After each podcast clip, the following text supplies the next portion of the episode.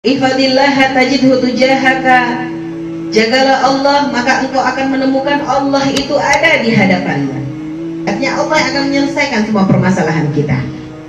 Bagi siapa pun yang merasa mempunyai masalah Mungkin urusan usaha Maka sebelum berpikir dengan akalnya Berusahalah untuk mendekat dulu kepada Allah subhanahu wa ta'ala ada orang kadang hanya bisa ngeluh, saya usaha nggak lancar-lancar. Dia lupa bagaimana dia Allah akan keberkahan dan kelancaran. Wong dia hanya sibuk menghabiskan waktunya untuk kerja, tapi untuk sholat yang hanya berapa menit saja dia nggak bisa. Ada orang yang gitu, selalu ngeluh. Rizkinya tuh kayak asap. Duit selalu habis. Rumah tangganya kacau balau. Subhanallah. Kita tanyakan.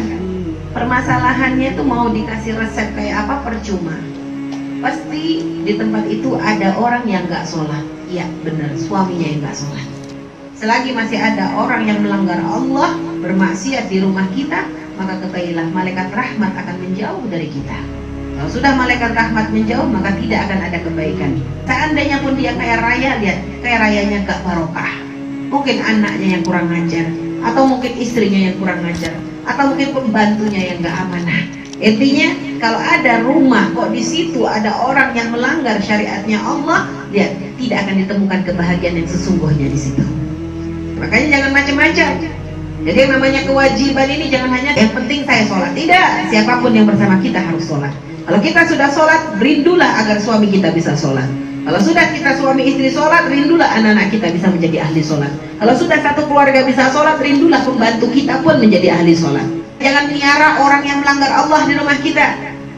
Sebagus apa pun pekerjaannya seseorang, kalau ternyata urusan dia dengan Allah saja dia nggak bisa menjaga, ketahuilah Walaupun kayaknya sangat amanah kepada kita, maka akan sangat mudah dia berkhianat. Kenapa? Dengan Allah yang maha pemberi, Allah yang berikan nikmat yang tidak ada batasnya saja dia khianat, apalagi kepada kita yang hanya bisa memberi gaji dengan nilai yang sangat bisa dihitung Tanyakan kepada dia, berapa nilainya tangan yang dia selalu pakai, kaki yang selalu dia pakai untuk melangkah, berapa nilainya? Dan itu pemberian siapa? Pemberian Allah. Allah yang maha memberi seperti itu saja tidak dihargai. Untuk suruh sholat sujud kepada Allah saja dia tidak mau. Bagaimana dengan kita yang hanya bulanan paling bisa bayar berapa juta sih?